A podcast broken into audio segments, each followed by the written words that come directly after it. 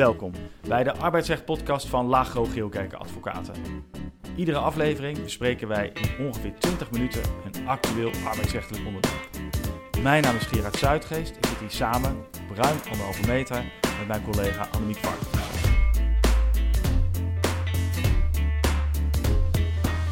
Ja, Annemiek, zomer is voorbij. Zachtjes uh, tikt de regen tegen het zolderraam, zullen we maar zeggen. Dus, voordeel, nieuwe podcast. Ja.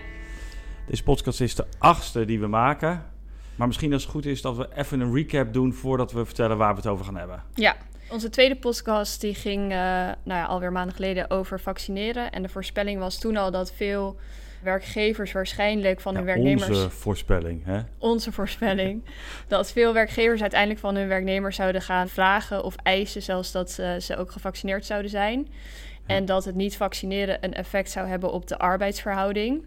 En we zien dat nu ook steeds meer gebeuren in de praktijk. En we denken ook dat dat nog steeds veel steviger zal worden aangezet. Ja. En het lijkt mij dat in de meer bijzondere situaties, dus bijvoorbeeld bij piloten of bij uh, zorgpersoneel, maar ook bijvoorbeeld personeel dat werkt in een ruimte waar je voordat je daar naartoe kan je QR-code moet laten Ja. zien, um, dat niet vaccineren inderdaad betekent dat je niet kan werken en dus ook geen loon krijgt en uiteindelijk dat dat tot ontbinding van de arbeids zou, Ja, arbeidsovereenkomst zou Ja. kunnen leiden. Ja, dat is volop in uh, ontwikkeling. Ja. En is er nog nieuws over de wet werken waar je wil? Uh, ja, dat is nieuws. Althans, er is nu eindelijk een uh, datum bepaald na drie keer uitstel waarop de zaak plenair in de Tweede Kamer wordt behandeld. En dat zal begin november zijn. Oké, okay, nog even geduld. Nog even geduld dus. Ja, dan naar het onderwerp van vandaag. Wij dachten dat het goed zou zijn om het winterseizoen af te trappen met een drieluik over arbeidsongeschiktheid. Vandaag behandelen we de ziekmelding. Mm -hmm. Over twee weken gaat het dan over reïntegratieverplichting. En in de laatste show praten we jullie dan bij over sancties, eventueel ontslag eh, wegens problemen bij ziekte en reïntegratie. Maar vandaag ja. dus de ziekmelding. Ja, en dan uh, knippen we het weer op in blokken. Deze keer in twee blokken. En het eerste blok behandelen we de diverse praktijkvragen en lopen we de wettelijke verplichting rondom de ziekmelding langs. Ja, en in het tweede blok staan we specifiek stil bij vragen rond ziekmelding en vakantie. Ja. Laten we maar beginnen. Annemiek, wist jij, uh, voordat we naar uh, de inhoud gaan, wist jij trouwens dat hoewel vrouwen gemiddeld genomen minder werken dan mannen, zij zich wel vaker ziek melden? Hm. En dat, dat, dat geldt voor alle leeftijdscategorieën. Het verschil is het grootste in de leeftijdscategorie 25 tot 35. Dat heeft natuurlijk met zwangerschap, bevalling te maken. Maar ook in alle andere leeftijdscategorieën is dat het geval. Is dat een uh, zwak geslachtsverhaal? Nou, ik las juist dat meer mannen dan vrouwen vanaf 45 jaar zich vijf dagen of langer ziek melden. Oké, okay, we gaan naar het onderwerp. uh, eerste wet. Ja, over de ziekmelding is in het uh, burgerlijk wetboek eigenlijk niks geregeld. De wetgever stelt dus ja, daaraan geen, uh, geen eisen. Nee. Wel zijn natuurlijk regels opgenomen in de wet over het recht op loon bij ziekte en over het opzegverbod uh, bij ziekte, maar niks over de ziekmelding zelf. Um, ook bijvoorbeeld de regeling procesgang eerste en tweede ziektejaar stellen daaraan geen uh, ja. eisen. Nee, klopt. Er is wel in de wetsgeschiedenis, al wat ouder, wat langer geleden, 95, 96, is er wat in de wetsgeschiedenis opgenomen. Daarin is vermeld dat de werknemer bij de ziekmelding aan de werkgever informatie dient te geven met betrekking tot zijn gezondheidssituatie. He, dat betekent dat als de werkgever dat aan de werknemer vraagt, de werknemer een globaal inzicht dient te geven in de maatregelen die hij ten behoeve van zijn genezing heeft getroffen. He, is hij naar de huisarts geweest Mhm. mm -hmm. of niet? Mm -hmm. En tevens informatie dient te geven met betrekking tot welke arbeid de werknemer ondanks zijn ziekte misschien toch nog zou kunnen verrichten. Uh, dit in verband met natuurlijk de reïntegratieverplichtingen die over en weer gelden. Maar de werknemer hoeft niet niks te melden over informatie van medische aard. Dus uh, werkgevers vragen daar regelmatig naar. Werknemers antwoorden daar ook regelmatig op. Maar dat hoeft niet. En eigenlijk mag een werkgever daar ook niet naar vragen. Nee.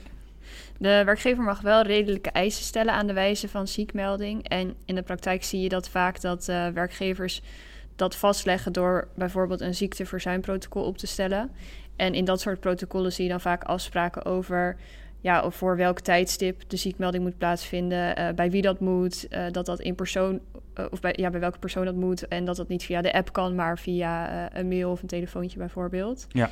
Als de werknemer zich dan niet aan die afspraken houdt, dan betekent het niet dat die ziekmelding niet geldt, maar wel dat een instructie van de werkgever niet is gevolgd. Dus dat zou dan bijvoorbeeld wel tot een waarschuwing kunnen ja, leiden. inderdaad. En er zijn natuurlijk ook werkgevers die geen geschreven instructies hebben.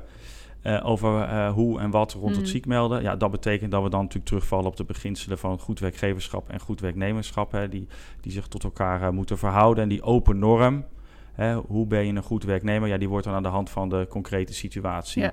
Ingevuld. Maar het is natuurlijk duidelijk dat dan de werkgever geen bijzondere eisen kan stellen aan nee. uh, uh, wat er in het kader van de ziekmelding van de werknemer mag worden verlangd. Nee, klopt. Maar hij zal in ieder geval s ochtends moet de ziekmelding worden gedaan voor het werk en niet uh, pas halverwege de dag. Nee, nee.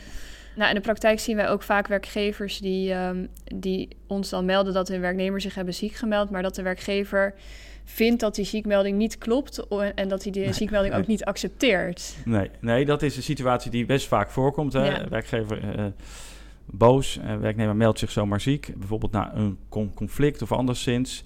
Werkgever gelooft hem niet. Ja, ja als, je, als je strikt naar bewijslast, hè, wie moet nou bewijzen of sprake is van arbeidsongeschiktheid, of dat geen sprake is van arbeidsongeschiktheid, dan moet een werknemer bij een geschil aannemelijk maken dat hij arbeidsongeschikt is. Maar daaraan worden in de rechtspraak verhoudingsgewijs hele lage eisen gesteld. Als een werknemer maar stelt dat hij zich ziek heeft gemeld, en bijvoorbeeld naar een huisarts is mm. geweest, dan is dat al meer dan voldoende om die ziekte aannemelijk te achten. En bij een loongeschil moet de werknemer dan wel een beoordeling van het UWV eh, overleggen, behalve als dat redelijkerwijs van hem niet gevergd kan worden, bijvoorbeeld in een kort geding. Maar er worden dus relatief weinig eisen gesteld aan de werknemer die zich ziek meldt. Het loopt bijna nooit goed af voor de werkgever die vooral zelf vindt nee. dat de werknemer niet ziek is. Ik zag nog een mooi voorbeeld uit de rechtspraak, maar er zijn er echt tientallen. Uh, waarbij de kantonrechter uh, expliciet overweegt: een werkgever kan niet eigenhandig beoordelen of werknemers ziek zijn. De beoordeling of een werknemer daadwerkelijk arbeidsongeschikt is, is voorbehouden aan de bedrijfsartsen en verzekeringsartsen. Het vermoeden van de werkgever dat de werknemer niet echt ziek was, werd in die zaak ook op geen enkele wijze verder onderbouwd. Hmm. En dan gaat het dus mis voor die werknemer of voor die, voor die werkgever. En betekent dat dat gewoon het loon uh, moet worden doorbetaald. Ja, en misschien ook nog wel goed om op te merken is dat um, ook bij een, ja, een niet expliciete ziekmelding, dat je dan weer als werkgever dat soms wel zo moet lezen. Ja, zeker. Dus uh, bijvoorbeeld stel de werknemer die stuurt een, een berichtje van nou ik uh, voel me echt niet goed, ik zit er doorheen dan moet je dat als werkgever eigenlijk echt wel oppakken als een ziekmelding. Ja, alles wat je redelijkerwijs als een ziekmelding uh, ja. moet kunnen beschouwen, moet uit, op grond van het goed werkgeverschap ook zodanig worden gekwalificeerd. Hoe moet je dan als werkgever handelen als je het niet vertrouwt? Ja, het meest veilig is natuurlijk dat je gewoon zo snel mogelijk de bedrijfsarts uh, weer inschakelt om ja. deze op een nieuw oordeel te vragen of om een eerste oordeel te vragen. Voor de rest is belangrijk dat je voor goede vastgelegde instructies zorgt rondom het ziekmelden. En dat je de werknemer aanspreekt of waarschuwt als deze zich niet aan instructies mm -hmm. houdt. Een van zo'n zo'n instructie kan zijn: eh, werknemer moet met regelmaat contact hebben met werkgever.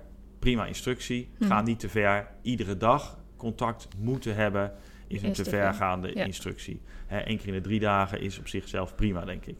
Ja. Werkgever kan natuurlijk wel met regelmaat de werknemer zelf benaderen. Hoe kijk jij trouwens naar, in dat kader, ik vertrouw het niet, naar de inschakeling van een detectivebureau? Leuke vraag, zie je ook best wel vaak terug in de rechtspraak. Um, in de jaren 90 van de vorige eeuw, dus een tijd geleden, Zeker, zag je dat dat uh, heel lang geleden, zag je dat dat niet snel werd aanvaard in de rechtspraak, uh, tenzij er sprake was van zeer bijzondere omstandigheden en die omstandigheden waren dus niet vaak aan de orde. Maar in de laatste jaren zie je dat uh, dat toch lichter wordt getoetst en dat er bij rechters toch steeds vaker begrip is voor de inschakeling van zo'n uh, zo'n bureau.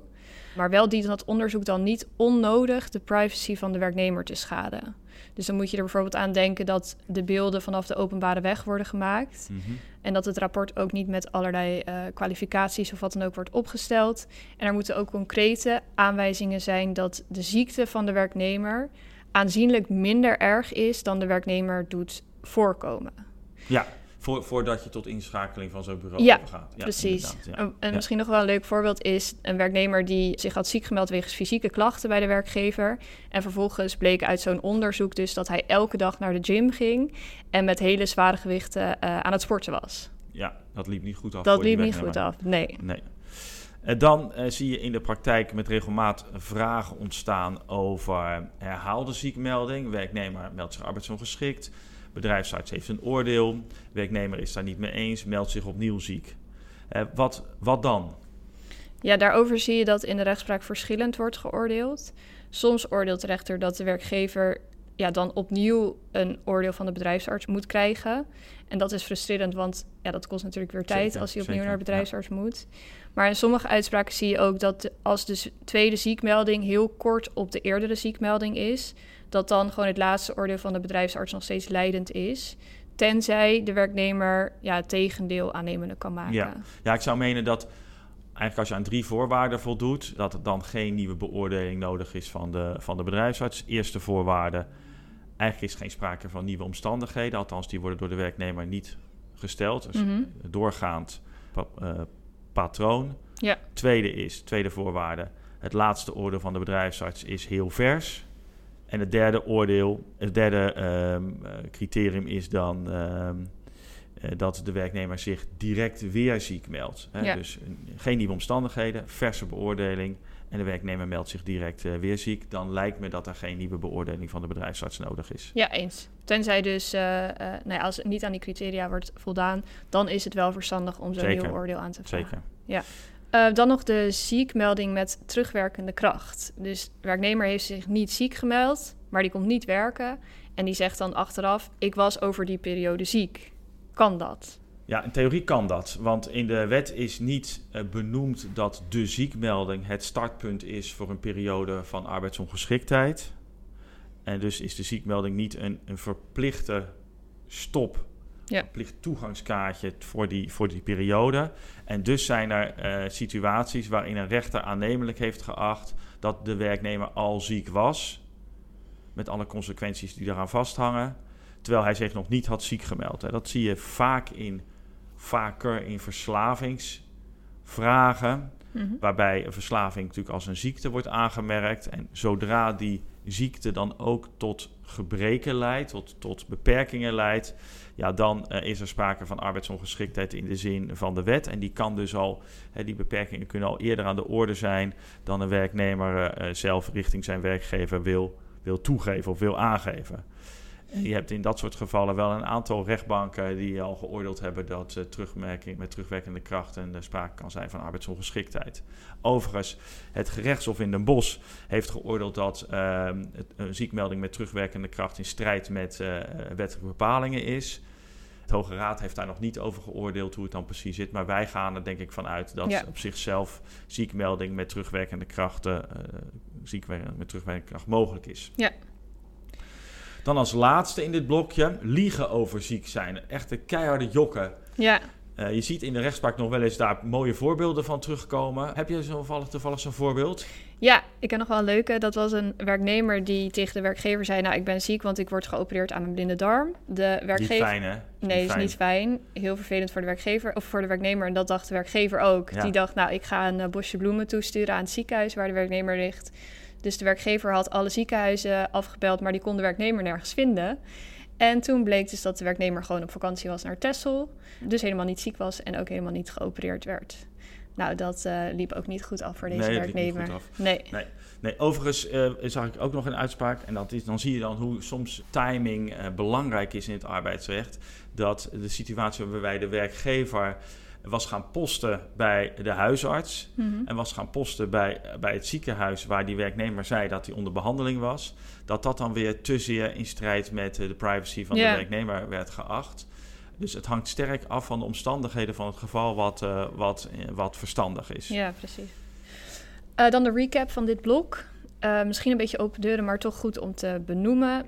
De eerste, oordeel niet zelf over de ziekte, maar schakel de bedrijfsarts in.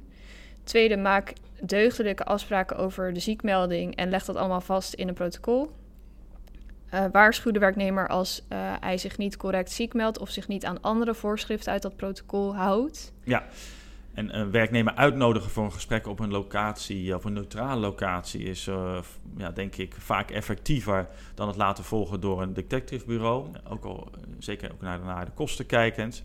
En als een werknemer dan op zo'n uitnodiging niet komt of wil komen, terwijl hij volgens de bedrijfsarts wel in staat daartoe moet worden geacht, ja, dan, is, dan voldoet de werknemer niet aan de, de eisen die de wet uh, stelt. En dan kan er ook een sanctie worden getroffen. Daar gaan we in het volgende deel van het ja. drieluik verder op in. Dus dat kan effectief zijn, maar hou er in dat soort gesprekken wel rekening mee, ook met telefoongesprekken, dat werknemers die opnemen. We zien dat echt met regelmaat in, de, in de praktijk, in onze praktijk terugkomen. En dan hoor je ook nog wel eens dat werkgevers wat, hoe zou ik het zeggen, ongelukkige uitspraken doen over uh, wat zij van die arbeidsongeschiktheid van die werknemer uh, vinden. Dat, uh, ja, dat gaat meestal niet goed aflopen nee. voor de werkgever. Dus hou er rekening mee dat die gesprekken worden opgenomen. Ja, dan als laatste nog, soms is de ziekmelding door de werknemer een reactie op een conflict tussen werknemer en werkgever. En juist dan is het uh, vanuit onze ervaring belangrijk om niet te veel haast te maken als werkgever, ook al zou je dat gevoelsmatig wel het liefst willen doen. Uiteindelijk leidt haast dan toch tot een hoger prijskaartje um, als het gaat over de beëindiging van de arbeidsovereenkomst. Ja, ja. Dus neem ook in dat soort gevallen gewoon de tijd. Ja. Um, dat is beter. Ja. Ja. Haast pakt nooit goed uit voor de werkgever. Nee. Behalve als echt aantoonbaar is dat de werknemer uh, jokt. Ja. Oké, okay, dan uh, was dit het voor blok 1. Gaan we naar blok 2. Het tweede blok gaat over ziekte en vakantie. Ja. Ben jij wel ziek geweest op vakantie? Uh, ja, ik ben wel ziek geweest op vakantie. dat zal vast zijn geweest omdat ik iets verkeerds gegeten had. Oh ja. Dat heb ik wel eens op, op vakantie, dat je dan iets verkeerd eet. Maar ik kan me nog wel herinneren dat ik een keer ergens in een hotelkamer in Guatemala half lag dood te gaan. Ik heb me toen overigens niet ziek gemeld bij mijn werkgever. Oké. Heb jij je wel ziek gemeld tijdens vakantie? Nee, ik kan me dat niet herinneren. Ik ben vast wel een keer ziek geweest op vakantie, maar ik um, denk niet in mijn werkende leven. Nee, maar er zijn wel allerlei werknemers die dat wel doen. Ja. Uh, dus wat te doen als een werknemer uh, uh, ziek wordt tijdens zijn vakantie? Ja, in principe geldt dat als je ziek bent op vakantie, je niet van die, ziek, van die vakantie kan genieten en dus ook geen vakantiedag hoeft op te nemen. Dan moet je natuurlijk wel bij de werkgever uh, volgens de regels uh, ziek melden. Ja, er is één uitzondering volgens mij. Hè? Uh, dat is als de werknemer in een voorkomend geval ermee instemt dat het wel als een vakantiedag geldt. En dus die vakantiedag gewoon als genoten wordt beschouwd, ook al is hij ziek. Ja. Dat geldt dan alleen. Die afspraak mag alleen worden gemaakt in een voorkomend geval. Afspraken is als er een, als er een bovenwettelijke vakantiedag kan worden gebruikt. Ja. De wettelijke vakantiedagen mogen niet zo worden ingezet. Nee. En ik kan me ook voorstellen dat werknemers in de praktijk niet zo snel zullen instemmen met zo'n uh, verzoek om dan uh, vakantiedagen in te zetten. Nee. nee, dat zie je eigenlijk bijna nooit. Je kan wel, maar dat zien we ook weinig in de praktijk, in een arbeidsovereenkomst vastleggen ten aanzien van bovenwettelijke vakantiedagen, dat als de werknemer ziek is, dat die ziektedagen als vakantiedagen worden aangemerkt hè, voor de bovenwettelijke vakantiedagen. Maar we zien eigenlijk in de praktijk dat werkgevers van die mogelijkheid, weinig sympathiek natuurlijk, maar mm. van die mhm. mogelijkheid weinig ja. gebruik maken. Ja, en ook dan gaat het weer om bovenwettelijke vakantiedagen ja, en niet om de wettelijke ja, vakantiedagen. Dan de omgekeerde situatie. Vakantie tijdens ziekte. Dus niet ziek zijn tijdens vakantie, maar vakantie tijdens ziekte. Mag een werknemer tijdens ziekte op vakantie? Ja, zeker mag dat. En daarvoor gelden natuurlijk de normale eisen. Werknemer moet om toestemming vragen om op vakantie te mogen. Werkgever moet die toestemming ook verlenen, tenzij zwaarwichtige bedrijfsbelangen zich daartegen verzetten. En zo'n belang kan zijn, of is in de wet ook vastgelegd, hè, dat de werkgever die vakantie mag weigeren als dat herstel van de werknemer in de weg staat. Ja. Dat is best wel een hoge lat. Maar als de bedrijfsarts vindt, ja, deze werknemer zou net met reïntegratie gaan beginnen of zit in een cruciale fase van de reïntegratie, dan wordt er wel eens door de bedrijfsarts geadviseerd om deze werknemer niet op vakantie te laten gaan. En dan kan de werkgever zeggen, nee, het past niet in de reïntegratie, dus niet op vakantie. Maar dat zijn echte uitzonderingen hoor. Ja, dus in beginsel mogen zieke werknemers gewoon zeker, op vakantie. Ja. Zeker, zeker. Het wordt denk ik wel anders als de werknemer tegen de werkgever en tegen de bedrijfsarts zegt dat hij vanwege de arbeidsongeschiktheid aan zijn huis gebonden is. En vervolgens dat de werkgever dan op Instagram of waar dan ook ziet dat de werknemer uh, op vakantie is in de Alpen en aan het hiken is. Ja, dat nee, dingen. dat is zeker. Ja. Dat zal zeker consequenties hebben. Ja. En over die consequenties gaan we het in de derde podcast uh, uh, van dit drieluik hebben. Ik had ook weer recent een werkgever die meldde... nou, we hebben een werknemer die heeft zich ziek gemeld... maar blijkt nu op vakantie. Oh ja. Dus als het ware een ziekmelding voor een, dekmantel... eh, om op vakantie te kunnen. Oh, dat ja. loopt natuurlijk niet goed af voor deze werknemer. Nee, dat eh, lijkt me logisch. Oké, maar over sancties, derde podcast. En we, we, we zoomen nog even in op ziek zijn in het buitenland. En dan zijn er natuurlijk de nodige verplichtingen voor de werknemer. Hij moet zijn verblijfsadres doorgeven aan de werkgever. En dat moet natuurlijk ook bereikbaar zijn. Ja. Maar wat natuurlijk het lastigste is bij een ziekmelding in het buitenland... hoe controleer je? Ja. ja, ik had laatst ook een vraag van een Chinese cliënt... waarvan een van de werknemers naar China was gegaan voor vakantie... en de dag voordat zij terug zou keren zich had ziek gemeld... En de cliënt zei ook tegen mij: Hoe weet ik nou dat zij echt ziek is? Want ze kan in China kennelijk vrij gemakkelijk aan een doktersverklaring komen. Maar ja, wat is dat nou waard in Nederland? Ja. Nee, in zijn algemeenheid blijft gelden, hè, de werknemer moet aannemelijk maken dat die arbeidsongeschikt was. En daarvoor geldt een relatief lage lat. Ja, Uh, dus als de werkgever kan aannemelijk maken, ja, dit is een, een vals opgemaakte verklaring, eh, nou ja, dan, dan, dan komt het als, natuurlijk als een boemerang bij de werknemer terug. ja, Maar zolang zo'n werknemer zo'n soort doktersverklaring meeneemt, ja, dan is dat op zichzelf voldoende aannemelijk Mhm. gemaakt. ja. Misschien nog wel goed om op te merken is dat er verschillende regelgeving is over eh, ziek, een zieke werknemer in het buitenland in de EU en buiten de EU. Ja, Binnen de EU is het zo dat je in principe moet worden gecontroleerd in de lidstaat waar jij je bevindt. ja, Dus je mag, het uitgangspunt is dat je als wer- werkgever niet mag zeggen, nou werknemer kom terug naar Nederland omdat je in Nederland gecontroleerd moet worden door de bedrijfsarts. Dat mag dus in het land zijn binnen de EU waar je dan verblijft.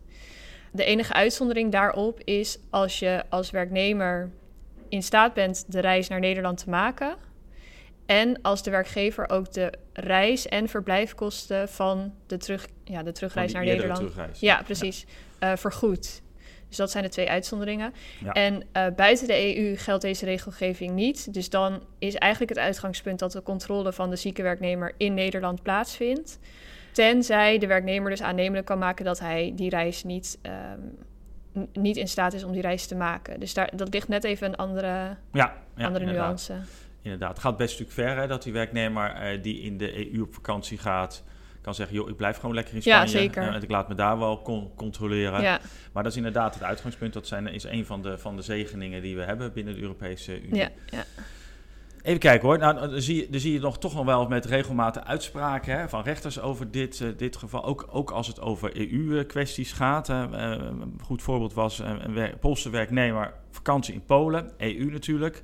Meldde zich ziek voordat de werknemer eh, zou terugkeren. Werd daar ook gecontroleerd door de Poolse Rijksdienst voor de Sociale Zekerheid. de- de- de- ook tegenhanger van het, van het UWV.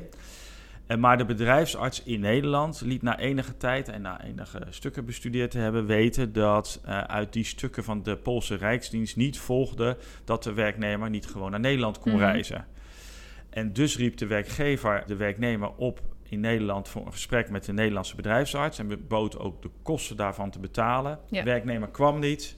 Nou, en volgens eh, het Hof eh, in Den Bosch eh, mocht vervolgens de werkgever de loonbetaling aan de werknemer staken. Hè? Een schoolvoorbeeld van hoe het, hoe, het zou, hoe het zou moeten. Ja, precies. En eh, tegen die Chinese cliënt heb ik dus nu ook gezegd dat we de werknemster moeten sommeren om terug te komen naar Nederland, zodat zij zich onder controle van de bedrijfsarts eh, kan laten stellen. Ja, en die, die werknemer in China die kan eigenlijk natuurlijk alleen maar weigeren op het moment dat die werknemer aannemelijk kan maken, ik kan niet reizen. Ja, dus daar wachten we nu eh, op.